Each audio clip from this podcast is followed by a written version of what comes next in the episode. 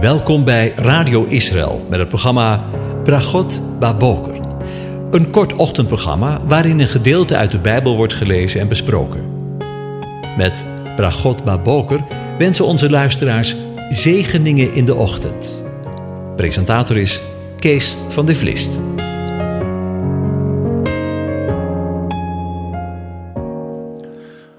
Goedemorgen, beste luisteraars. Bokatov. Vanmorgen gaan we weer verder met het lezen van Psalm 110 en het overdenken daarover. En ik lees het, de hele psalm nog een keertje aan je voor. De vertalers hebben erboven gezet: belofte voor de priesterkoning. Een psalm van David. De Heere heeft tot mijn Heere gesproken: zit aan mijn rechterhand, totdat ik uw vijanden gemaakt zal hebben tot een voetbank van je voeten. De Heere strekt uw machtige scepter uit vanuit Sion en zegt: Heers, te midden van je vijanden. Uw volk is zeer gewillig, op de dag van uw kracht, getooid met heilig sieraad. Uit de baarmoeder van de dageraad is voor u de dauw van uw jeugd. De Heer heeft gezworen, en, het zal, en hij zal er geen berouw van hebben. U bent priester voor eeuwig, naar de ordening van Melchizedek. De Heere is aan uw rechterhand, hij verplettert koningen op de dag van zijn toorn. Hij spreekt recht uit onder de heidevolken, vult het slagveld met dode lichamen en verplettert hem die het hoofd is over een groot land. Hij dringt onderweg uit de beek, daarom heeft hij zijn hoofd omhoog. Tot zover. Over de wederkomst gesproken. De voorafgaande keer hebben we met elkaar stilgestaan bij het priesterschap, waarover de psalmdichter spreekt. En deze keer willen we staan, stilstaan bij de wederkomst. Luister maar. De Heere is aan uw rechterhand. Hij verplettert de koningen op de dag van zijn toorn. Hij spreekt recht uit onder de heidevolkeren, vult het slagveld met dode lichamen en verplettert hem die het hoofd is van een groot land. Hij drinkt onderweg uit de beek, daarom heeft hij zijn hoofd omhoog, zegt Psalm 110. En het is een goede gewoonte om schrift met schrift te vergelijken. De Bijbel, het woord van God, bewijst altijd zichzelf. In Matthäus 22, vers 44 bewijst Jezus, Yeshua zelf, dat hij degene is waarover de dichter van Psalm 110 spreekt. Zullen we het eens lezen? Want in Matthäus 22 vanaf vers 41, daar staat: Toen de Fariseeën bijeen waren, vroeg Jezus hun: Wat denkt u over de Christus? Wiens zoon is hij? En ze zeiden tegen hem: Davids zoon. En hij zei tegen hen: Hoe kan David hem dan, in de geest, zijn Heere noemen, als hij zegt: De Heere heeft op mijn Heere gezegd: Zit aan mijn rechterhand, totdat ik uw voeten, uw vijanden neergelegd heb, als een voetbank onder uw voeten? Als David hem dan zijn Heer noemt, hoe kan hij dan de zoon zijn? En niemand kon hem een woord antwoorden. En ook durfde niemand hem meer vanaf die dag iets te vragen. Voel je de tragedie van de Fariseeën? Yeshua, Jezus bewijst zijn zoonschap in maar een paar zinnen. En zij die bij wijze van spreken de Torah kennen van A tot Z, staan met hun mond vol tanden en druipen af. En daar stopt het niet mee, want ook durfde niemand hem vanaf die dag bij iets te vragen. De mond gesnoerd, voor goed en voor altijd. Maar de vraag die Yeshua stelt betreft het zoonschap. Wiens zoon is hij? vraagt hij immers. En juist ook over dit zoonschap daar schrijft Johannes in Openbaringen 14 over. Zullen we het eens lezen? Het betreft de graan- en de wijnoogst. Je weet wel, de graanoogst. Die plaatsvond in het voorjaar. En de wijnoogst, die plaatsvond in het najaar. Een prachtig beeld van zijn eerste en tweede komst. Want we lezen daar. En ik zag en zie. Een witte wolk. En op de wolk zat iemand als een mensenzoon. Met op zijn hoofd een gouden kroon en in zijn hand een scherpe sikkel. En een andere engel kwam uit de tempel en riep met luide stem tegen hem die op de wolk zat: Zend je sikkel uit en maai, want het uur om te maaien is voor u gekomen, omdat de oogst van de aarde geheel rijp is geworden. En hij die op de wolk zat, zond zijn sikkel op de aarde, en de aarde werd gemaaid. En een andere engel kwam uit de tempel, die in de hemel is. En ook hij had een scherpe sikkel. En weer een andere engel kwam bij het altaar vandaan. Die had macht over het vuur. En die riep uit met luide stem tegen hem die de scherpe sikkel had en zei: Zend uit uw scherpe sikkel en oogst de trossen van de wijnstok van de aarde, want de druiven ervan zijn rijp.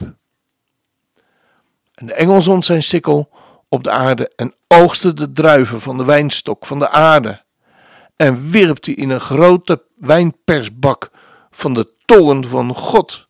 En de wijnpersbak werd getreden buiten de stad. En er kwam bloed uit de wijnpersbak, tot aan de tomen van de paarden. En 600, 1600 stadien. Dat is bijna 300 kilometer ver. Tja. En ook deze profetieën aangaande de wederkomst, die in het Tweede Testament zijn opgetekend, staan vol verwijzingen vanuit het Eerste Testament. In Openbaringen 14, daar lazen we vers 1. En ik zag en zie een witte wolk. En op die wolk zat iemand als een mensenzoon, die op zijn hoofd een gouden kroon en in zijn handen een schip sikkel had. En zo lezen we ook in Ezekiel 1, vers 26. En boven het gewelf, dat boven hun hoofden was, was iets met het uiterlijk van een saffiersteen. Iets wat leek op een troon. En daarboven, op wat op de troon was, was iemand die leek op een mens. En in Daniel 7, vers 13 en 14 lezen we: Ik keek toe in de nachtvisioenen en zie, er kwam met de wolk van de hemel iemand als een mensenzoon. En hij kwam uit de oude vandaag en men deed hem voor zijn aangezicht de komen. Hem werd heerschappij gegeven, eer en koningschap. En alle volken, natieën en talen moesten hem vereren. Zijn heerschappij is een eeuwige heerschappij die hem niet ontnomen zal worden. En zijn koningschap zal niet ten gronde gaan. Ja, enerzijds lezen we over zijn komst dus als een verschrikkelijke tijd, waarin de God de mensen zo met zijn sikkel over de aarde zal gaan om te oogsten, om de vruchten te oogsten, en spreekt over de toren van God. En eerlijk waar, het is verschrikkelijk om te lezen. Als Daniel deze profetie van God ontvangt, schrijft hij wel, schrijft hij welke uitwerking dat bij hem heeft. Luister maar. Ik, Daniel, was tot het diepst van mijn geest geraakt. En de visioenen die mij voor ogen kwamen, verschrikten mij. Maar dan eindigt hij in dit hoofdstuk, wanneer hij alle verschrikkingen gezien heeft, uiteindelijk met de woorden: Maar het koningschap en de heerschappij en de grootheid van de koninkrijken onder heel de hemel zullen gegeven worden aan het volk van de heiligen van de Allerhoogste. Zijn koninkrijk zal een koninkrijk van eeuwen zijn. En alles wat heerschappij heeft, zal hem eren en gehoorzamen. Laten we naar zijn komst uitzien, vol verwachtingen. Want als dat geen zegen is. Vanmorgen heb ik gekozen voor een lied van Joshua Aaron. Hij zingt het lied met de titel When He Appears, wanneer Hij verschijnt. Hij zingt de tekst uit Johannes 3, vers 2, waar we lezen: Geliefde, nu zijn wij kinderen van God en het is nog niet geopenbaard wat we zijn zullen.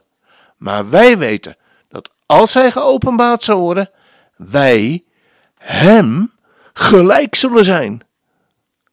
Want wij zullen Hem zien zoals Hij is. Als dat geen zegen is, we gaan luisteren.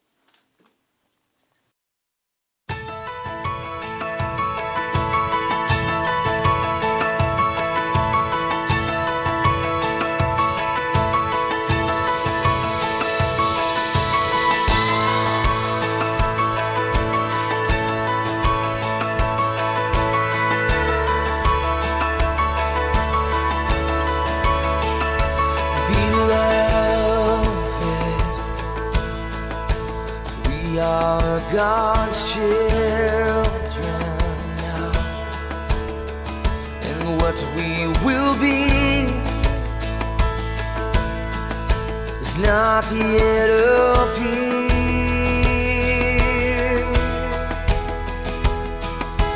We know that when He appears,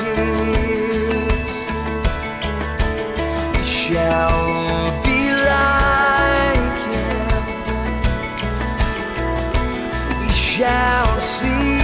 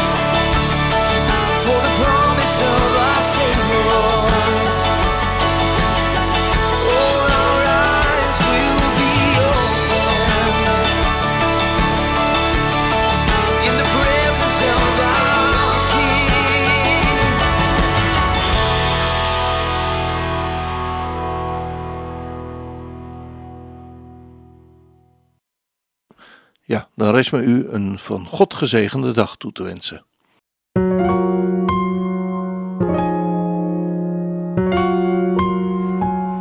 U hebt geluisterd naar het programma Bragot Baboker.